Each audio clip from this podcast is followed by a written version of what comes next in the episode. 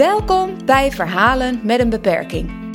Een serie podcasts waarin we in gesprek gaan met ouders en verwanten. Wat betekent het om een kind te hebben met een beperking? En hoe is de relatie met je broer of zus als hij of zij een beperking heeft? Verhalen met een beperking nemen we zonder script op, met als doel om jullie als luisteraars mee te nemen in hun leven, van tegenslagen tot blije momenten. We hopen dat jullie steun hebben aan deze bijzondere ervaringsverhalen.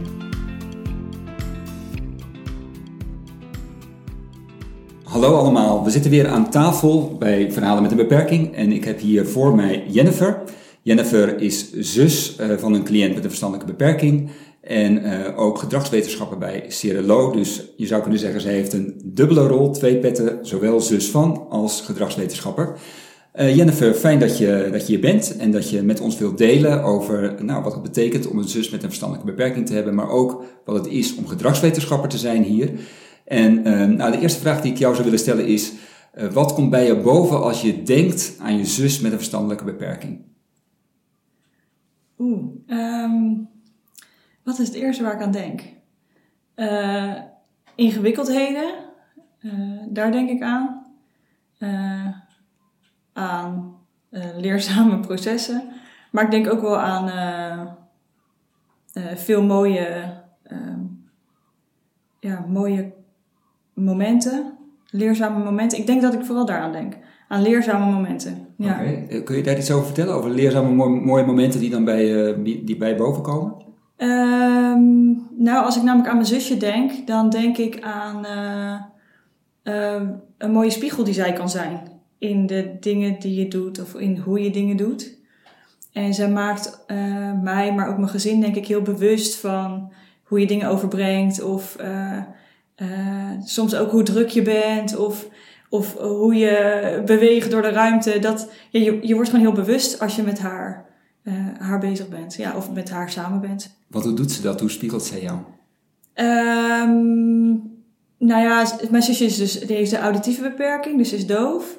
En ze heeft ook een beperking in het zicht. Dus zo en zo, uh, door de manier waarop ze qua mimiek mij volgt of um, uh, door hoe ze me kan vertragen. Dat is sowieso één ding waarin ze je me bewust maakt van, oh, ik ga veel te snel of of het is helemaal niet duidelijk nu waar ik het over heb, want ik gebruik heel veel woorden en dingen die zij niet hoort of ziet. Um, maar ze kan me ook spiegelen door bijvoorbeeld in één keer te gaan lachen, omdat ze uh, dan denkt van wat ben je eigenlijk allemaal aan het doen of waar gaat het over, dat ze het even niet meekrijgt. Uh, of dat ik dan heel druk kan zijn en dat zij dan, ja, ze moet dan gewoon lachen. Dat, is, dat, dat gebeurt wel zo vaak, ja. Zij heeft een auditieve beperking, dus een gehoorbeperking. Uh, dat betekent dat jij ook gebarentaal uh, kan spreken? Ja, ja, klopt. Ja. Toen, ik, uh, toen zij geboren is eigenlijk, zijn wij met het gezin op, op les gegaan. En, want ik was toen vijf, dus in eerste instantie heb ik het van mijn ouders meegekregen. Maar toen ik geloof ik een jaar of zeven was, ging ik mee naar de cursus. Dus. Want zij is jonger dan, dan jij? Ja, ja, zij is jonger dan ja, ik. Ja. Want hoe, hoe heeft jouw jeugd eruit gezien? Je, je bent dus oudere zus. Ja. Uh, dus je weet ook misschien nog te herinneren dat zij er niet was. Je was nog wel heel jong toen zij geboren werd, begrijp ik. Ja. Uh, maar hoe, hoe, kijk jij terug op je jeugd? Hoe is dat geweest? Want je noemde net ook ingewikkeldheden. Dat is ook een van de woorden die bij je boven komt. Ja. Hoe is dat geweest? Um, nou, wat ik me nog vooral goed kan herinneren is dat... Um, mijn ouders te horen kregen dat mijn zusje een beperking had. Want we hebben tot negen maanden ongeveer niet geweten dat ze doof was. En dat is eigenlijk gaandeweg, uh, dat ze iets ouder werd, zeg maar, werd dat duidelijk. En uh, dus met negen maanden kwamen ze daarachter. En dat was denk ik wel een shock voor mijn ouders. En dat kan ik me nog wel heel goed herinneren. En ook alle dingen die daar dan bij komen, zeg maar. Dat op het moment dat je daar dan achter komt, dat een baby in het gezin betekent al dat er meer aandacht naar uh, de baby gaat. En dat toen wel vanaf dat moment het gezin draaide om, om haar beperking. Niet op een negatieve manier alleen maar, maar wel, uh, dat, kan, dat staat me wel heel erg bij. Dat het, ja, er komen aanpassingen binnen het gezin. En, en, en dat is wel een, een, ja, een soort rode draad geweest, denk ik, door, uh, door het hele gezinsleven heen. Als ik daar naartoe, of en ja, de hele opvoeding heen eigenlijk, als ik daar naartoe terugkijk. En mijn hele jeugd ook wel. En omdat ik ook oudere zus was, uh, denk ik ook, en ik denk dat dat ook geldt voor zussen zonder uh, een broertje of zusje met een beperking, ook heel veel onder de hoede nemen en meenemen. En misschien omdat ze een beperking heeft, ook nog wel meer. Konden jullie elkaar ook af en toe flink irriteren? Of? Zeker. Oh. ja, laten we het daar niet te veel over hebben, maar nee, zeker. ja, wij vliegen elkaar, vlogen elkaar regelmatig in de haren, ja. Uh, met woorden en soms ook wel eens dat je dacht van nou, ik geloof dat ik een ommetje moet maken. Want... Dus in die zin konden jullie ook gewoon zussen, zussen zijn, zeg maar, zoals zussen dat doen. Ja, ja. Ja, en wat je, wat je dan alleen het, het verschil is, denk ik, met andere broers en zussen, is dat ergens op een gegeven moment haar ontwikkeling dan stagneerde. Dus dat het bleef hangen op een bepaald niveau en dat ik me daar dan meer aan aan moest passen. En dat, maar dat gaat op een hele natuurlijke manier. Dat klinkt nu heel zwaar. Ja, want wat, wat, wat betekent het dan? Inderdaad, die uh, ontwikkeling die normaal gesproken doorgaat. Hè? Op een gegeven moment word je zelfs ook gelijkwaardiger, ook als de een ouder dan de ander. Ja. Maar hoe, hoe ging dat bij jullie?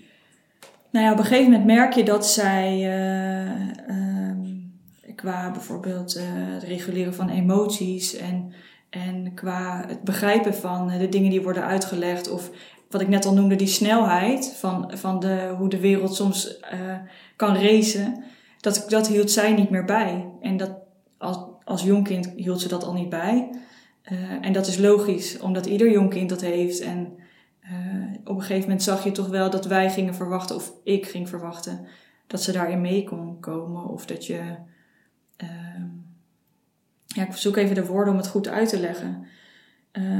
op een gegeven moment merk je gewoon dat je je meer moet aanpassen aan haar dan andersom. En als je wat jonger bent, dan kan het nog evenredig wat je net al zegt, soms is het even gelijkwaardig. Nou, dat is ook als je wat jonger bent, dan, dan kan dat ook al schil, schil je vijf jaar in uh, leeftijd.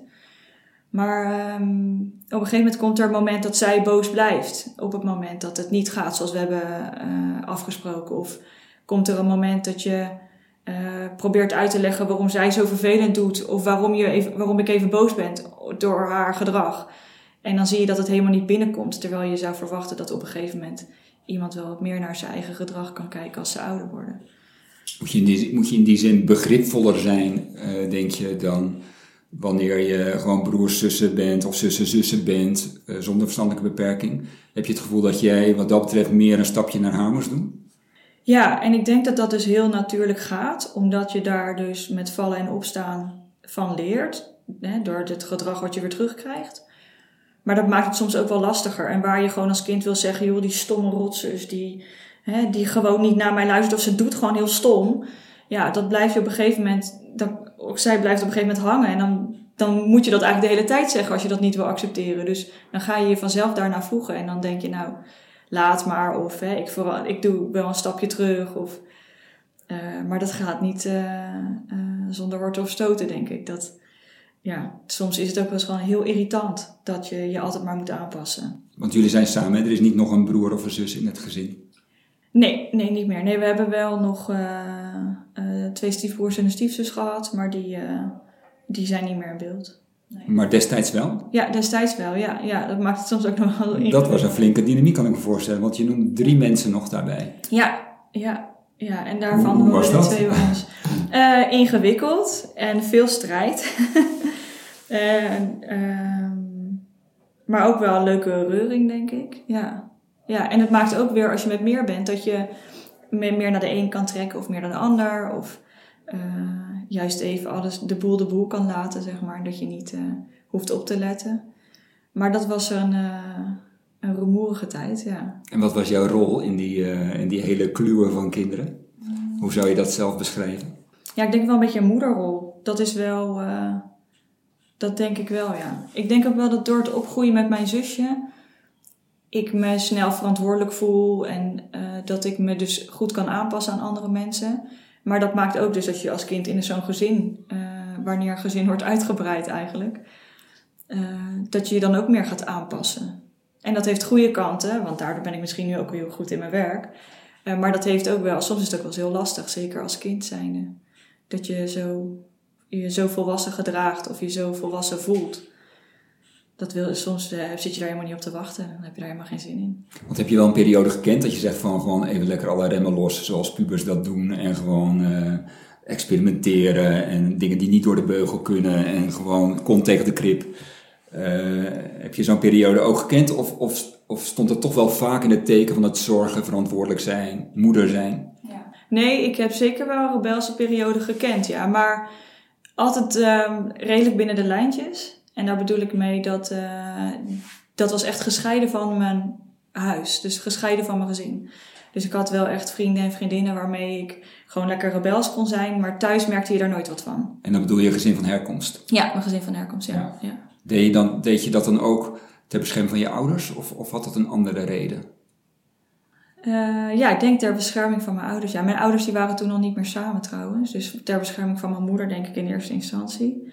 Ook omdat je die niet wil opzadelen met uh, nog meer uh, problemen tussen haakjes. Dat, je, dat is denk ik ook wel iets wat kenmerkend is voor, voor mij in het opgroeien van een gezin met een kind met een beperking. Is dat je, dat je je gaat aanpassen, maar ook dat je niet tot last wil zijn. Dus dat je altijd goed je best doet, om, omdat je weet dat je ouders het al moeilijk genoeg hebben. En ik denk, ja, als ik, als ik daar naartoe terugkijk, je probeert altijd niet tot last te zijn en te helpen. En, en dat is ook wel iets wat er centraal heeft gestaan. Is dat dan een van die ingewikkeldheden waar je het aan het begin over had? Ja. Uh, aan de ene kant jezelf willen ontdekken, je eigen identiteit, waar je voor staat, waar je, waar je voor gaat. En anderzijds niet tot last willen zijn, dus je ook aanpassen aan de normen en waarden van het gezin waar je uitkomt. Ja, ja, zeker. En ik denk ook dat soms er een soort rolverwarring ontstaat.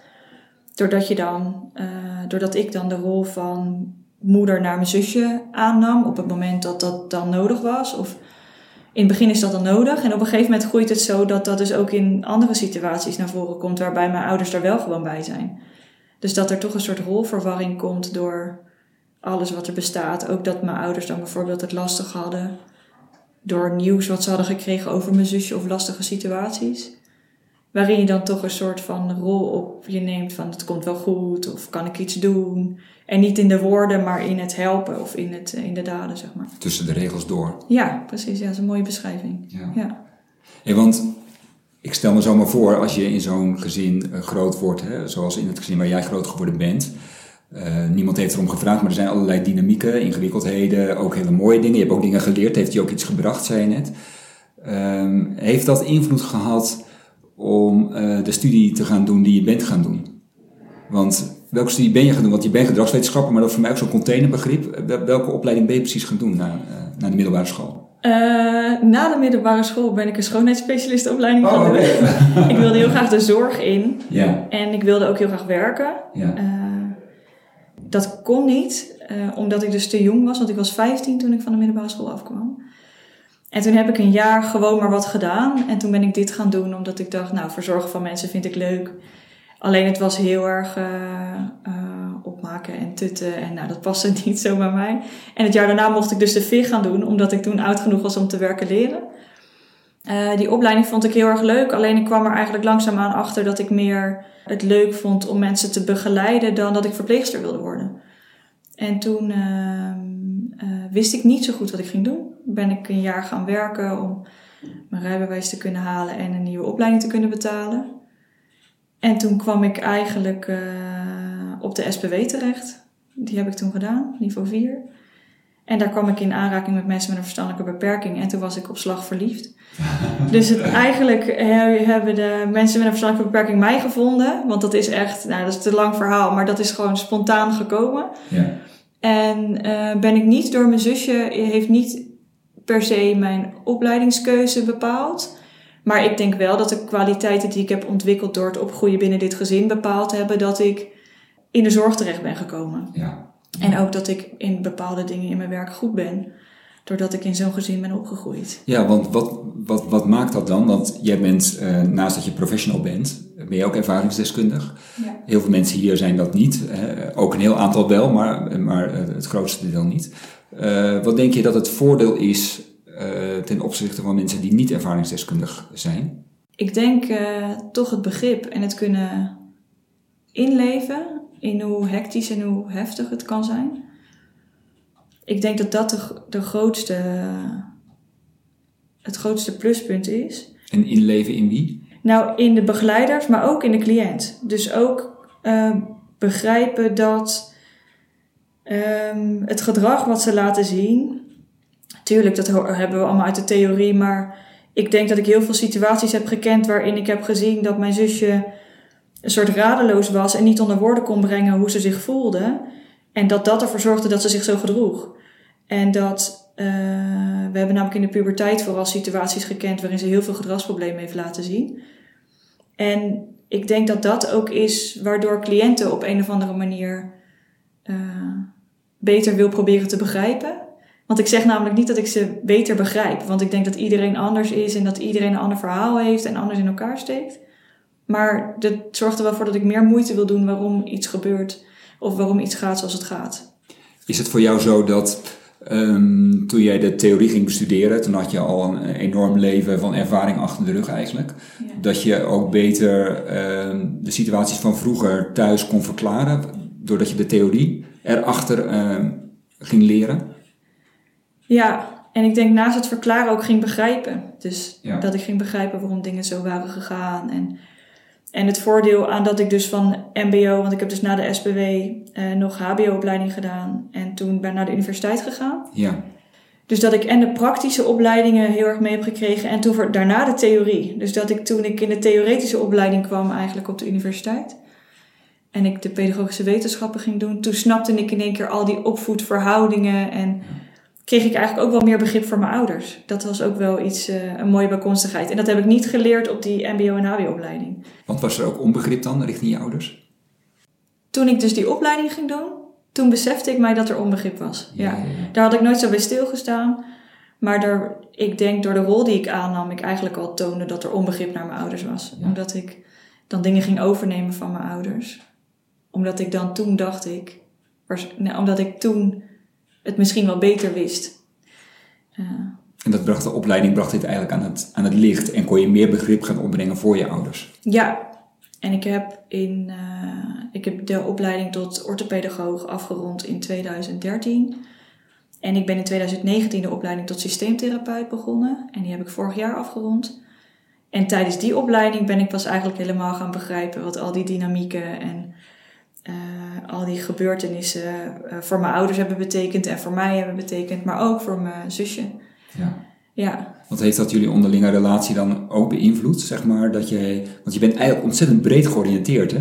Je bent, nadat je ervaringsdeskundig bent, heb je allerlei opleidingen gedaan. Echt van de praktische tot de meest theoretische, zeg maar. Ja. Dus een enorme brede oriëntatie. Ehm, maar heeft dat ook iets gedaan in, in jullie relatie? Jouw relatie ten opzichte van je ouders? Eh, maar misschien ook wel je relatie ten opzichte van je zusje? Eh, ja, ten opzichte van mijn ouders wel.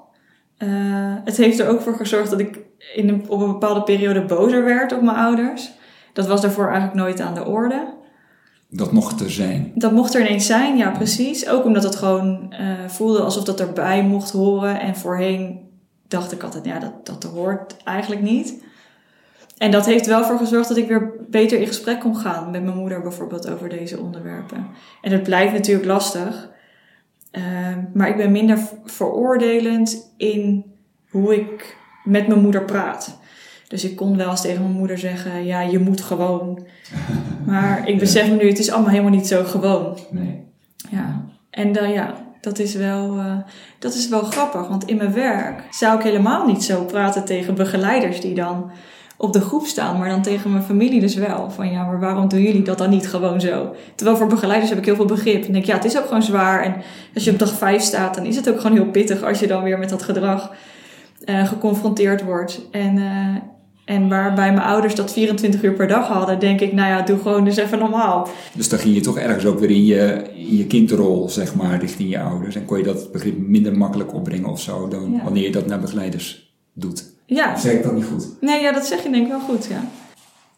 ja. Zit er ook een nadeel aan dat je ervaringsdeskundig bent? Ik bedoel, ik, ik kan me heel veel voordelen ook eh, voorstellen. Hè? En je noemt er net ook een aantal van. Eh, maar zitten er ook valkuilen of nadelen aan het feit dat je ervaringsdeskundig bent en hier professional bent? Ja, want ik ben natuurlijk eigenlijk verantwoordelijk voor de inhoud van de zorg. En daar ben ik eh, eindverantwoordelijk in. En soms gebeurt het wel eens dat ik dan te betrokken raak en dat ik dan ja, dingen door de vingers zie is niet het goede woord, maar dat ik wat coulanter ben in als dingen niet worden gehandhaafd of nagestreefd zoals we dat hebben afgesproken met elkaar. En daar mag ik soms wel eens wat strenger in zijn. En dat krijg ik ook wel met regelmaat van begeleiders zelfs terug. Van, nee, je bent eigenlijk te lief voor ons of je neemt te veel dingen over. En daar heb ik al heel veel stappen in gemaakt in dat ik dat aan het leren ben niet te doen. Maar dat uh, toevallig gisteren nog in een teamreflectie kreeg ik terug dat ik heel betrokken ben en dat ik wel wat meer over mocht laten aan de mensen die op de woning staan en dat ik wel wat strenger mag zijn. Want is het ook een nadeel? Ik bedoel, of heeft de situatie dat misschien nodig? Juist die coulance en de, iets minder streng? Of... Ja, ik weet ook niet of je het moet bestempelen als een nadeel of dat het een valkuil is. Want dat is het misschien eerder. Ja. Dat het, uh, want het zorgt er ook voor dat ik mensen uit hun kracht haal, doordat ik dingen overneem. En dat is juist niet wat ik wil. Ik wil juist mensen in hun kracht zetten. Dus dat is ook wel, ik denk dat dat wel het nadeel daarvan kan zijn. Dat mensen uit hun kracht gehaald, niet in hun kracht gezet worden. Doordat ik het van ze overneem om ze te hulp te willen schieten. schieten. En dat je hoort natuurlijk ook wel over het, uh, het uh, pedagogische reddercomplex. Van uh, altijd maar willen helpen. Ja, daar hebben heel wat mensen hier last van, hè? Ja, precies. ja. En dat wil je natuurlijk niet. Je wil eigenlijk ja, iemand zodanig in zijn kracht zetten dat je en helpt, maar tegelijkertijd ook iemand de kans geeft om het zelf te kunnen. Ja. Zodat het vervolgens niet meer met jou samen hoeft, maar dat ze het zelf kunnen doen. Precies, een stukje onafhankelijkheid teruggeven waar dat kan. Ja. In plaats van het zorgen voor en het overnemen. Ja. Ja, ik denk dat ook een nadeel is dat ik uh, de controle graag op, op dingen hou. Dus dat ik graag, oh, juist ook omdat ik verantwoordelijk ben, maar ook omdat ik dat vanuit mijn gezin heel erg altijd heb gedaan. Dat was een rol die ik aan, omdat ik altijd controle had over wat er allemaal speelde. En dat zie ik nu ook nog wel eens terug. Dat ik dan de controle wil houden op bepaalde zaken. Dus dat ik het dan niet uh, soms kan laten, op zijn beloop kan laten. En dat het dan een keer misgaat en dat we daar dan van leren, maar dat ik dan in dat gat spring. En dat is denk ik ook wel een nadeel van het opgroeien binnen zo'n gezin en de rol die ik me dan eigen heb gemaakt binnen dat gezin. Dat geldt natuurlijk niet voor alle broers en zussen. Of alle brussen, zoals ze dat dan mm Ja. Dus kracht en valkuil ligt wel dicht bij elkaar. Ja. Wat je echt als een kracht kan inzetten, moet niet doorslaan, zodat je het helemaal overneemt en de verantwoordelijkheid helemaal naar je toe trekt, uh, zodat het een valkuil wordt. Ja. En, en, de ander eigenlijk niet geholpen wordt, maar een beetje gepamperd, als ik het zo mag zeggen. Ja, ja. dan denk ik je dat goed. Wat voel je je uh, naar je eigen zus toe? Voel je je daar erg verantwoordelijk voor nu? Zoals dat nu is? Um, ik probeer dat nu los te laten. Uh, en dat niet meer te doen. Proberen is een voorzichtig woord. Ja, ja. uh, ik voel het wel zo, maar ik probeer ook wel heel erg afstand te nemen. Ja. ja ze woont op zichzelf en uh, dat doet ze gewoon met alle hulp die ze heeft, doet ze dat gewoon goed. En daardoor probeer ik op afstand te zijn en ik hoef niet bang te zijn dat als ze wat nodig heeft, dat ze me niet vindt. Want het meeste contact is heel functioneel wat we hebben. Dus als ze wat nodig heeft, dan hoor ik er wel. Ja, en ik denk dat dat ook goed is zo. Dus ik probeer wat afstand te nemen. Maar dat is... Uh, zodra je dan hoort dat het niet goed gaat of zo... of dat er iets aan de hand is... dan ben ik toch wel snel geneigd om me daarmee te bemoeien. Ja, doe het niet. Maar de neiging en de, het gevoel is er wel. Want kan jij gelukkig zijn als zij niet gelukkig is? Um, dat, dat... Ja, nu wel. Ja ja, dat vind ik vervelend om te zeggen. Maar ik denk dat, we, dat ik nu zodanig losgeweekt ben van mijn gezin. En dat klinkt voor mensen die dat niet kennen misschien heel, heel vervelend. Maar ik denk dat ik zodanig losgeweekt ben nu van mijn gezin dat ik gewoon gelukkig kan zijn als het met de andere mensen uit mijn eh, gezin van herkomst niet goed gaat. Neem niet weg dat ik het heel vervelend vind en dat ik er nog steeds voor mijn gevoel alles aan wil doen om ze te helpen. Maar ik ben wel nu losgekoppeld daarvan. Ja. ja. En dat is voor mij heel fijn. Ja. ja. ja. En wat maakt dat je zegt van ik vind het vervelend om te zeggen? Omdat ik toch denk dat het voor andere mensen heel raar klinkt. Of uh, ja, dat mensen daar dan een oordeel over hebben. En het voelt ook uh, een beetje egoïstisch. maar... Uh, ja, voelt het egoïstisch? Ja, dat voelt voor mij zo. Ja, ik voel me daar dan schuldig over. Ja. Dat is ook een van de nadelen ja. van het opgroeien binnen zo'n gezin. Dat je je altijd uh, ellenlang schuldig over van alles voelt. Maar goed, dat heb ik denk ik wel een beetje geaccepteerd. Dus daarvoor durf ik nu hardop te zeggen dat ik wel me gelukkig kan voelen als het niet goed gaat met eh, mijn zusje of mijn ouders. Ja, want je zou kunnen zeggen, het klinkt heel gezond dat je dat kan. Ja, zo heb ik er nog niet naar gekeken, maar ja, dat kan ook, ja. Ja. Gaat het goed met je zusje? Uh, nu niet zo goed, maar dat is met vlagen. Maar als we naar het algeheel kijken van waar ze vandaan komt, gaat het goed met haar. Hmm. Ja. Ja, en ze heeft heel veel bereikt. En dat doet ze zelf. Ze heeft er wel hulp bij, maar uiteindelijk doet ze het zelf. Want wat heeft ze bereikt? Nou, ze woont op zichzelf. En ze heeft een zoontje. Die is net zo oud als mijn dochter. En uh, daar gaat het over het algemeen ook gewoon goed mee. En ze zit in een gezonde relatie. En waar ze kan, uh, doet ze er alles aan om uh, het leven voor mijn neefje bijvoorbeeld zo goed mogelijk vorm te geven. En als ze hulp nodig heeft, dan vraagt ze om hulp. Dus ik denk, ja, ze heeft het wel. Uh... Ja, je, je, bent eigenlijk een generatie verder nu, hè? Ik, ik hoor jou zeggen, ik heb zelf kinderen. zij heeft een, een zoontje. Ja. Um, hoe, hoe ziet dat er dan weer uit, zeg maar? Als je allebei weer aan een soort eigen leven begint. Hè? Je komt uit dat gezin van herkomst, maar nu heb je allebei je eigen leven met een partner, met een, met een kindje. Um, ja, hoe ziet dat er dan uit? Ja, dat is eigenlijk wel. Um, het, is het heeft twee kanten. Het is enerzijds uh, heel mooi, omdat het je het gevoel geeft van, oh, zij heeft het. het ma nee, ja, het is mooi, maar het brengt ook heel veel zorgen met zich mee. Want het is mooi om te zien hoe dat ze die zelfstandigheid eigenlijk een soort verworven heeft en dat het haar lukt om dat allemaal uh, te regelen. De andere kant is dat er altijd zorgen zijn, want er gaan ook wel dingen mis en die kunnen ook wel erg misgaan. Dus dan, um, dan is het lastig om, uh, om dat, dat zomaar los te laten.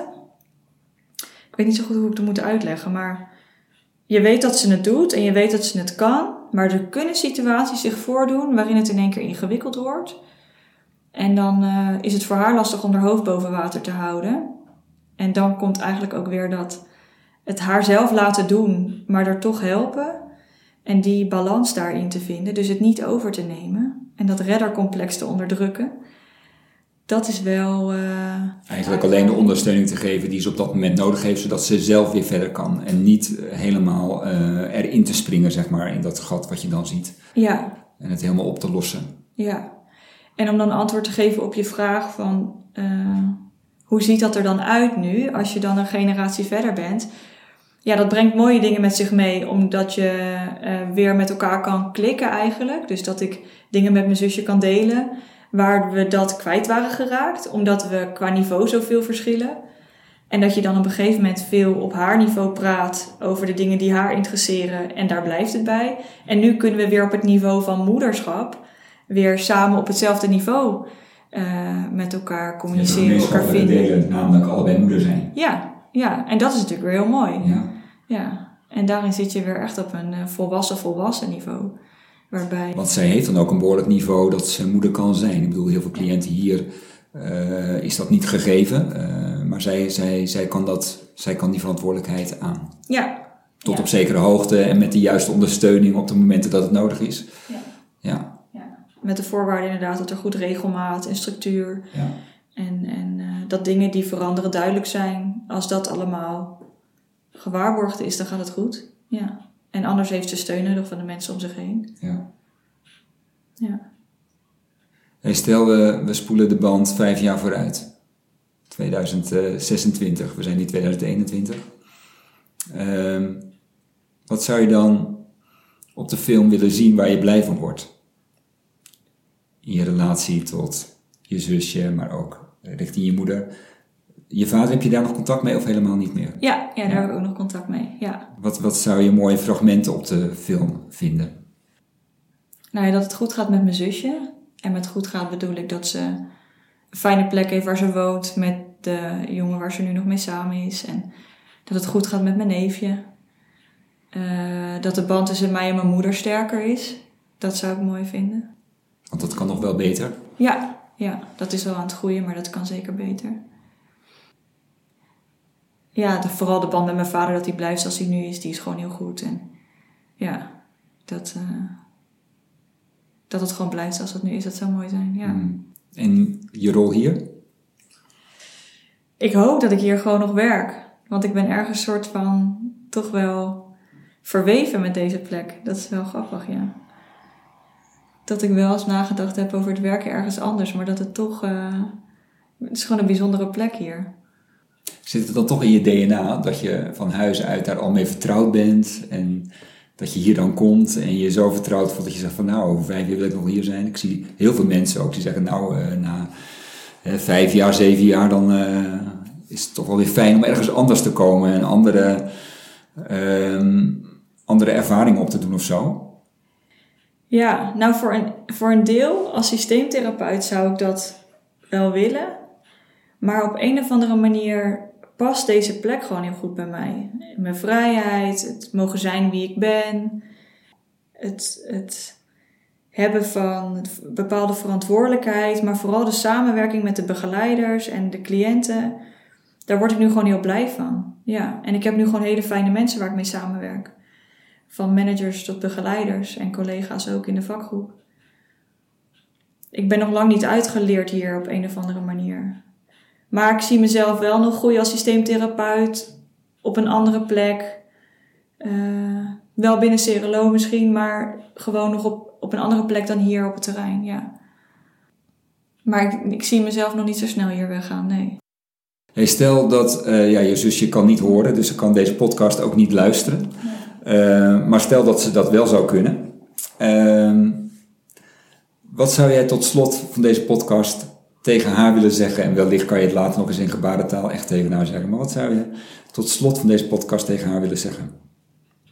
Ehm, dat ik heel erg trots ben op wat ze allemaal doet en hoe ze dat allemaal vormgeeft. En dat ik weet dat wij eh, niet altijd even makkelijk gaan met elkaar.